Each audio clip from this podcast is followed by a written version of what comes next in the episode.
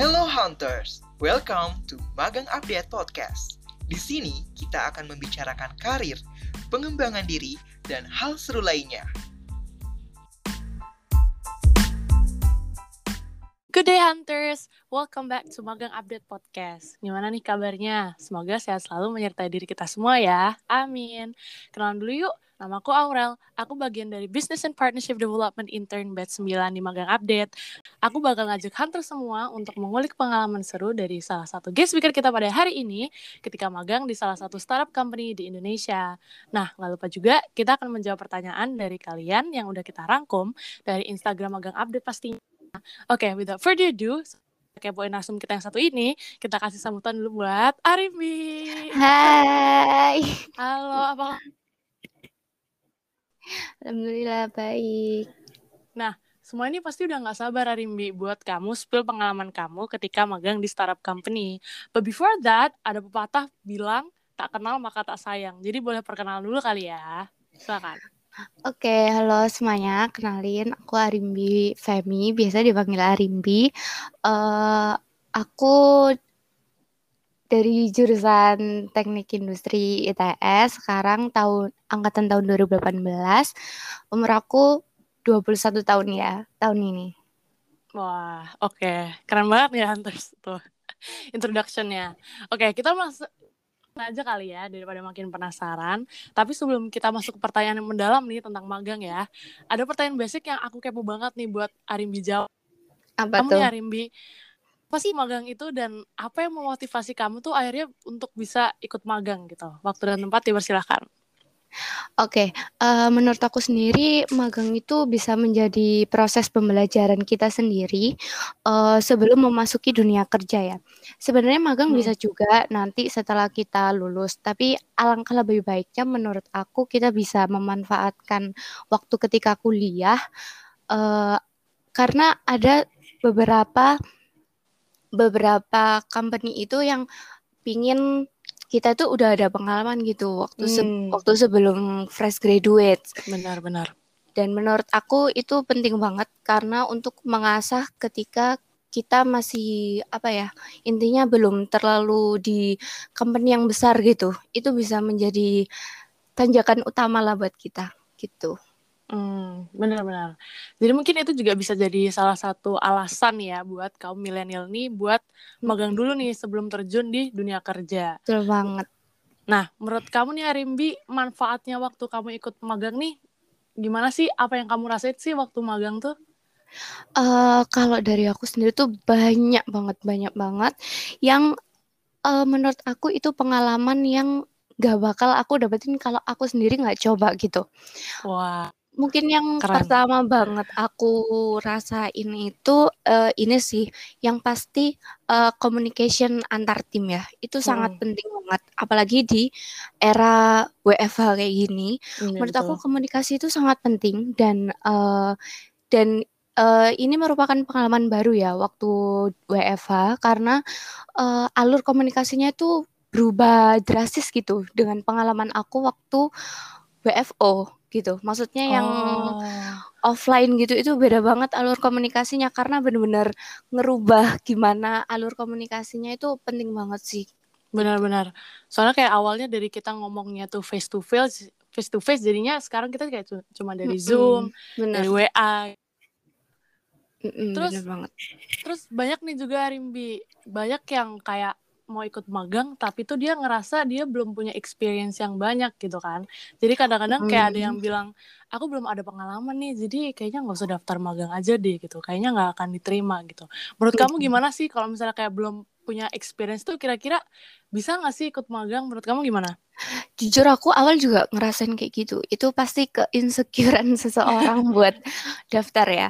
Karena uh, gini sih menurut aku uh, ada beberapa eh, memang ada beberapa yang mengharuskan kamu udah harus ada experience ya. Tapi mm -hmm. tapi aku yakin sih uh, kebanyakan yang kayak startup saat ini yang baru-baru gini itu tuh dia nggak nggak melulu menuntut kamu harus udah ada experience karena hmm. mereka itu pasti uh, kebanyakan mereka juga pasti ngasih tugas kan waktu kita daftar. Nah, kita bisa yeah. memaksimalkan itu sih di situ menurut aku kayak gitu.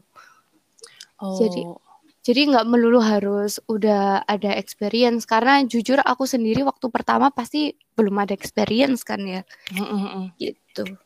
Oh gitu. Jadi kayak gitu ya terus kira-kira kalau misalnya belum punya experience tuh tetap bisa aja kok. Yang penting kita kayak pede gitu aja ya Kari, Mm-mm. Rimbi.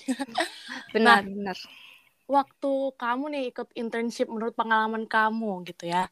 Waktu daftar nih awal-awal. Mm-mm. Meskipun kayak belum punya experience, kira-kira skill apa aja sih yang dibutuhin waktu lagi mau ikut internship atau magang tuh? Kalau skill sendiri kan kita eh, bisa bedain dua ya untuk soft Mm. skill dan hard skill. Mm-mm. Eh, kalau untuk hard skillnya sendiri mungkin kita bisa menyesuaikan dengan apa yang memang sudah kita minati dan sudah kita bisa ya. Mm-mm, Jadi betul. untuk hunter sendiri eh, kalau mau daftar itu kita sesuaiin kita mampunya apa, kita minatnya apa. Yang penting kita suka dulu karena learning by doing gitu. Kalau aku waktu itu juga kayak gitu tuh. Hmm, betul betul betul. Jadi kalau untuk urusan hard skill itu menurut aku bisa diasah ya dan yang Hmm. penting minat aja, yang penting seneng gitu untuk Betul. menjalani. Kalau untuk soft skillnya sendiri menurut aku yang pertama itu pastinya komitmen sih menurut aku itu penting Oh banget iya. karena eh nggak melulu eh karena gini orang yang hard skillnya bagus itu bakal kalah sama orang yang hard skillnya biasa aja tapi dia komitmen dia bisa Hmm, diandalkan diandalkan dalam arti betul. bagus ya di sini Mm-mm, jadi mm-mm. ketika eh, partner kita nyari itu kita tuh ada gitu bisa diandalkan Betul kayak betul. gitu menurut aku Dan juga ini ya responsible gitu ya, tanggung jawab ya. benar-benar tanggung salah jawab satu mm-mm, salah satu skillnya yang bisa diasah juga gitu. Oh. iya benar Kita udah bahas nih tentang skill-skill terus manfaatnya ya. Nah, kira-kira menurut kamu nih atau enggak dari pengalaman kamu ya, gimana sih cara milih internship yang cocok buat kamu gitu? Apakah harus kayak sesuai jurusan kuliah atau atau Hmm. kayak gimana sih menurut kamu? Gini, kalau menurut aku eh eh, untuk memilih internship itu kan pasti ada ini bidang apa gitu ya, startup ini Mm-mm. bidang apa gitu. Betul. Yang pertama kita harus tahu, harus tahu dulu dia ini bergerak di bidang apa. Contoh Mm-mm. misal dia bidang akademika atau kayak gini ya mencari magang kayak gitu. Mm-mm, mm-mm. Nah, eh, menurut aku nggak harus sesuai dengan jurusan karena aku sendiri nyeleneh ya jurusannya apa, magangnya apa. Karena ya memang aku minatnya itu gitu. Hmm. Jadi menurut aku, eh, Hmm. eh, yang pertama itu sih kalian harus tahu dulu itu bidangnya apa. Oh bidangnya akademi, oke aku aku serak nih kayak gitu. Kalau untuk Hmm. jurusannya sendiri itu nggak harus kamu eh harus sesuai sama gitu jurusan. ya. Mm-mm, benar nggak harus Mm-mm. sesuai jurusan kok. Gitu. Mungkin tadi udah dijawab di depan-depan kalau misalnya yang penting tuh suka dulu gitu kali ya. Yang Benar-benar. penting buat kamu tertarik dulu gitu. Ya Bisa benar. jadi salah satu referensi internship yang cocok gitu. Eh, sama aku ada tambahan juga eh, kalau mau memilih intern itu kita juga bisa gini sih sebelum kita daftar itu Hmm. kebanyakan mereka pasti bakal kasih profile background gitu ya. Mm-mm. Nah, jadi kayak eh, eh, gimana mereka bekerja dengan tim, gimana mereka apresiasi kayak gitu, itu tuh pasti ada biasanya tuh. Startup startup Hmm. itu biasanya kasih gitu, ada guidebooknya gitu. Nah, di situ kita juga bisa baca. Jadi eh, kita tuh bakal tahu gitu eh, background mereka, cara kerja mereka itu gimana. Itu juga bisa kita sesuaiin. Jadi nggak hanya nggak hanya bidang apa aja gitu yang tadi aku sebutin di awal. Mm-mm. Jadi juga eh, background dari startup itu sendiri itu gimana sih? Kita juga bisa lihat itu. Gitu. Hmm. Mm-mm, betul betul banget. Nah, kalau kita nih udah milih internship ya, misalnya kita udah masuk nih, kita udah jadi jadi intern, udah ikut internship, gimana sih menurut kamu dapat hasil yang maksimal gitu? Nyambungin dari pertanyaan eh, banyak di Instagram kami juga ya, itu tuh banyak Hmm. juga yang kayak nanyain gimana sih rasanya, gimana sih cara time management gitu ya? Mungkin Hmm. magang sambil kuliah gitu. Mungkin bisa ceritain Mm-mm. sedikit dong kayak gimana dapat hasil yang maksimal tapi kamu magang sambil sambil kuliah gitu. Hmm, I see. Eh, kalau untuk gimana caranya bisa maksimal, eh, Menurut aku itu tadi sih ya yang kita harus memantapkan berkomitmen dari awal ketika kita daftar pertama. Mm-mm. Itu menurut aku itu hal yang paling penting banget. Jadi kita harus mantepin banget karena dengan begitu kita itu nanti akhir-akhirnya itu apa ya kerja itu bisa jadi maksimal sendiri gitu. Mm-mm, betul, nggak? Jadi betul. kayak karena kita tidak merasa beban gitu. Mm-mm, mm-mm. Kalau kita dari awal aja udah kayak eh coba deh, coba deh kayak gitu, cum, tapi nggak tapi nggak mantep banget. Itu menurut aku nantinya jadi beban gitu. Mm-mm. Sehingga itu juga bisa jadi mempengaruhi kinerja kita. Jadi kinerja kita Mm-mm. itu nggak maksimal gitu. Karena Hmm, eh, betul. kalau dibilang maksimal itu menurut aku bukan kerjaan kita bagus ya. Bukan kalau goals memang harus harus ini ya harus tercapai ya. Memang goalsnya harus tercapai. Tapi di lain sisi eh, mereka itu kebanyakan lebih pingin yang kita bisa diandalkan itu tadi, bukan bukan yang maksimal kerjanya bagus gitu. Nggak melulu Betul, harus betul. bagus, tapi kita ada gitu. Maksudnya kerja nyata dan kerjanya apa ya? Ya pokoknya sesuai standar oke dan giat gitu. Kelihatan Hmm, lah betul. orang yang lebih giat gitu sama yang orang yang biasa-biasa aja. Gitu sih menurut aku. Hmm, betul banget. Nah, kalau yang magang sambil kuliah tuh kamu pengalamannya gimana sih waktu time Oh management? ya ya. Kalau untuk time managementnya itu eh, ini sih dengan em, bekerja secara maksimal tapi kita padahal sambil kuliah gitu ya maksudnya. Iya, iya, betul, betul. Jujur eh, kuliah aku sendiri termasuk yang sibuk banget parah ya. Betul, betul. Sudah bisa dilihat ya. Kalau dari aku sendiri itu gini sih, eh, kebetulan di pengalaman aku sebelumnya, jadi kita tuh menuliskan daily activity gitu. Jadi Hmm. eh, nggak Itu melulu sebelum harus internship. eh, waktu ketika internship. Oh, Jadi gitu. memang Oke. sudah dari dari startup yang udah pernah aku ikutin, mereka mengharuskan kita menulis daily activity. Hmm. Itu juga bagus, eh di mana itu juga udah aku terapkan memang setiap kali kalau aku mengikuti organisasi atau apa pun, itu aku tuliskan gitu daily activity. Jadi hari ini ngapain, hari ini ngapain. Dan itu Hmm. kita beri jam gitu ya, durasi. Mm-mm. Nah, di situ kita bisa yang pertama kita belajar buat menata waktu. Di situlah time management menurut aku ya. Kalau Hmm, betul. mungkin setiap individu beda-beda, mungkin ada yang ya udah nanti nanti jam 11 sampai jam segini aku ngerjain ini. Mungkin ada yang bisa kayak gitu. Hmm. Tapi kalau aku personal itu aku lupaan gitu. Aku lupaan dan gupuh orangnya itu gampang gupuh Hmm. gitu. Nah, itu bisa kita tulisin dari hari sebelum-sebelumnya. Jadi mana yang urgent, mana yang bisa nanti, mana yang kita butuh waktu istirahat. Gitu sih menurut aku time managementnya bisa bisa kita terapkan seperti itu. Contoh dari aku sendiri. Hmm, iya iya, betul juga sih. Jadi kita bisa bikin kayak um, daily plan buat jurnal gitu kali ya. Benar-benar. Selain buat time management juga, kayaknya juga bisa biar kita tuh lebih organize orangnya, biar nggak, Benar, heeh. biar punya deadline-nya jelas. Mm-mm, benar-benar. Oke, tadi kita tuh udah bahas tentang magang in general menurut Arimbi gitu ya. Sekarang nih, Hmm. aku bakal bahas pertanyaan dari Hunters yang udah kita rangkum dari Instagram. Nah, yang pertama nih Arimbi, kayaknya tadi udah agak dijawab ya, tapi mungkin kamu bisa perjelas lagi gitu. Bisa lintas jurusan nggak sih kalau magang atau harus ju- satu jurusan gitu nggak? Nah, sebelumnya tadi Arimbi jurusannya apa? Eh, aku teknik industri. Teknik industri. Mm-mm. Nah, waktu kamu magang tuh kamu ngambil di Creative Design and Illustrator. kreatif desain. Nah, mungkin kamu Mm-mm. bisa kasih sedikit pengalaman kamu nggak tentang emang ada nggak sih kayak rel- relasinya dari jurusan kamu ke magang kamu kira-kira kayak gitu? Oke, eh, kalau dari aku sendiri jujur nggak ada ya. Karena jurusan aku teknik dan aku masuknya di desain gitu. Eh, di jurusan aku sendiri nggak ada aku eh, diajarkan Adobe, eh, Photoshop, Premiere itu nggak ada.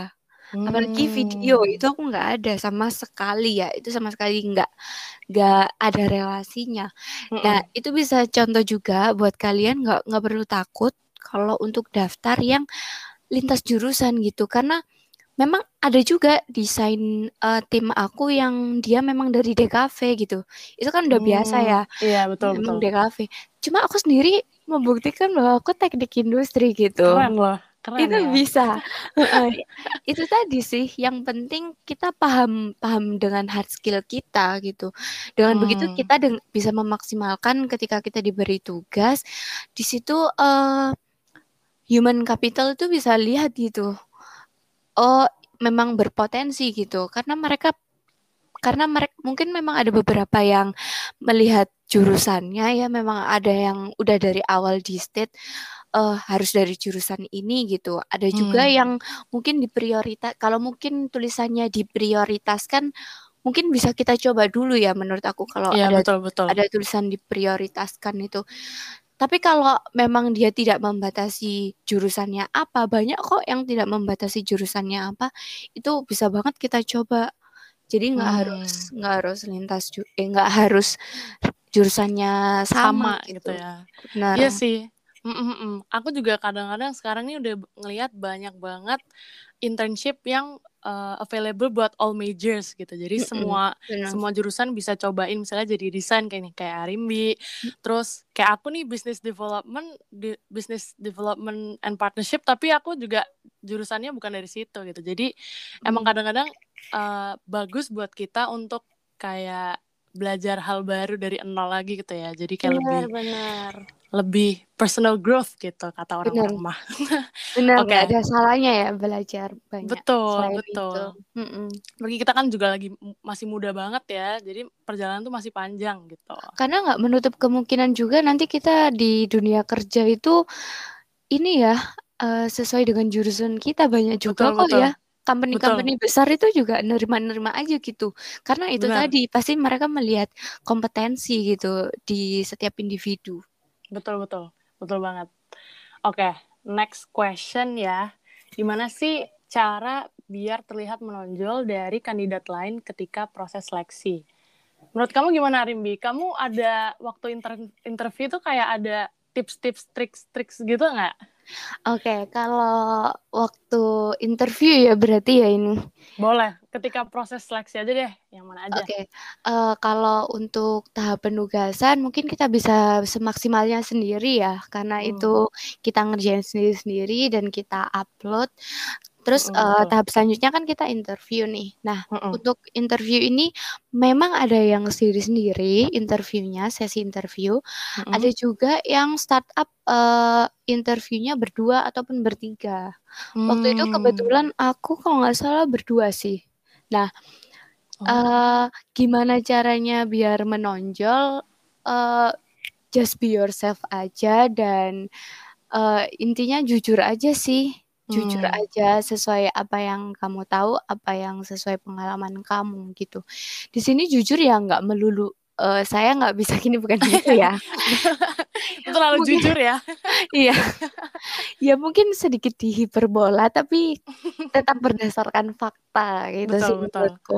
Uh, uh, di sini untuk menonjol itu bukan dengan kita bohong, bukan dengan betul. kita nggak bisa gini tapi kita bilangnya gitu gitu ya, bukan betul, gitu. betul. Tapi mungkin bisa dari penataan kata. Itu juga menurut aku bisa bisa menjadi menonjol. Di situ hmm. uh, human capital atau human resource itu bisa lihat, oh dia tuh penataannya bagus. Kalau uh, dari penataan bagus, uh, mereka tuh bisa menilai anak ini uh, cara tutur katanya tuh bagus. Berarti dia juga bisa lihat kalau uh, anaknya bisa terstruktur gitu. Hmm, gitu. Betul betul. Jadi betul. jadi nggak harus menonjol itu nggak harus kita berbuat berbuat bohong gitu. Hmm. Itu bisa juga dari gerak-gerik kita. Karena waktu interview dari kita awal penyapa uh, penyapaan, lalu kita sebutin nama, terus kita jawab, cara kita jawab itu juga bakal dinilai gitu sama human capital sendiri. Betul gitu betul. Aku. Karena juga kayaknya interview itu salah satu um, cara kita buat ngeluarin personality kita gitu ya. Benar benar. Jadi Karena, kayak gimana? Menurut Hmm. aku kalau interview itu apa ya, udah nggak usah meragukan hard skill lagi. Pasti menurut aku Hmm. kalau di udah kita di sesi interview, hard skill kita tuh ibaratnya udah lolos lah dari yang lain-lainnya kalau hard Hmm, skill ya. betul betul. Karena di interview lebih ke personal benar tadi, lebih ke personal view kita kalau interview itu. Jadi lebih gimana caranya kita cara menjawab, gestur itu itu nggak bisa membohongi banget sih. Jadi Betul. Nggak usah dilebay-lebaykan, nggak usah nggak usah ditutup-tutupin lah. Intinya nggak usah nggak usah mikirin hard skill lagi karena kalau kita sudah masuk di interview itu insya Allah menurutku hard skillnya udah lolos lah intinya. Tinggal soft skillnya aja, tinggal personal kita sendiri aja gitu. Oke. Wah. Mulai berat ini ya pembahasannya ya. Keren banget nih. Nah, tapi sayangnya kita udah last questions nih, last but not least nih. Oke. Arimbi ini kira-kira pesen buat hunters yang lagi mencari nih atau enggak lagi proses jadi intern tuh kira-kira pesennya apa sih buat mereka ini? Oke, kalau pesan dari aku sendiri, eh, yang penting pertama jangan pernah takut untuk mencoba karena apa pun yang kita putuskan pasti kita akan mendapatkan eh, pembelajaran tersendiri. Eh, Betul. pembelajaran itu nggak harus kita ketika udah keterima dari eh, intern itu sendiri ya, tapi Mm-mm. ketika kita mulai daftar, kita masuk tahap seleksi, tahap penugasan, itu kita udah pas udah mendapatkan eh, pembelajaran tersendiri ya. Kita jadi tahu gitu. Oh, kalau aku mau masuk bidang ini itu nanti job overview-nya gini. Kita bisa Mm-mm. lihat dari tugas yang diberikan itu apa gitu sih. Jadi ketika kita nggak keterima pun itu kita udah mendapatkan eh, pembelajaran yang mana nggak semua orang dapat, nggak semua Mm-mm. orang yang mau mencoba itu dapat gitu. Betul, betul. Menurut, aku eh, itu selangkah maju eh, lebih selangkah maju ke depan daripada orang yang nggak mau mencoba itu udah nilai plus banget menurut aku gitu. Mm-mm, betul, Dan betul. yang pasti ki- kalian harus eh, memantapkan sendiri karena karena untuk mengikuti internship itu juga nggak main-main. Itu Mm-mm. bisa jadi eh, apa ya? Itu bisa jadi personal branding kalian gitu. Betul. Karena kita tidak tahu kita eh, ketika kita menemui satu orang, satu partner di suatu tim itu kita nggak ngerti dia bakalan jadi partner kita di mungkin di masa de, masa dap, masa depan ya. Iya, Mungkin betul. mungkin tim kita yang tadinya beda tim waktu kita intern eh kalau kita menjalaninya bagus, nanti misal kita mau di company besar ketemu dia gitu. Dia Mm-mm. bisa dia bisa kasih nilai, dia bisa kasih karena zaman sekarang ya susah kan ya cari kerja dan menurut Mm-mm. aku susah buat eh, mempercayai seseorang. Karena personal branding itu juga bisa dari omongan mulut orang ya menurut aku. Betul. Sekarang ya. Mm-mm, bener banget karena mungkin tim kita yang kita temui di intern itu kalau kita ki- kalau kita memberikan performansi yang jelek aja, ntar dia di company besar yang lima tahun kemudian padahal kita udah berubah, dia bisa kasih masukan yang dulu dia lihat gitu, Oh, ya betul, betul, betul. gitu, nangkep kan ya. Jadi Mm-mm. itu sih eh, kalian harus komitmen pertama karena itu bakal bisa merembet gitu ke belakangnya, bisa menjadi personal branding kalian di mata orang-orang gitu sih. Hmm, betul banget. Nah, yang aku nangkep dari Arimbi nih, pokoknya kita waktu magang tuh be ourselves ya.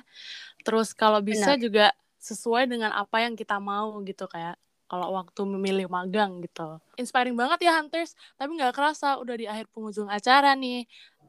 Satu hal yang aku bisa ambil dari Arimbi adalah banyak juga yang harus kita pelajari dari sebelum dan setelah kita masuk di internship itu sendiri. Nah, spoiler alert nih Hunters, magang update juga internship batch ke-10 dalam waktu dekat ini.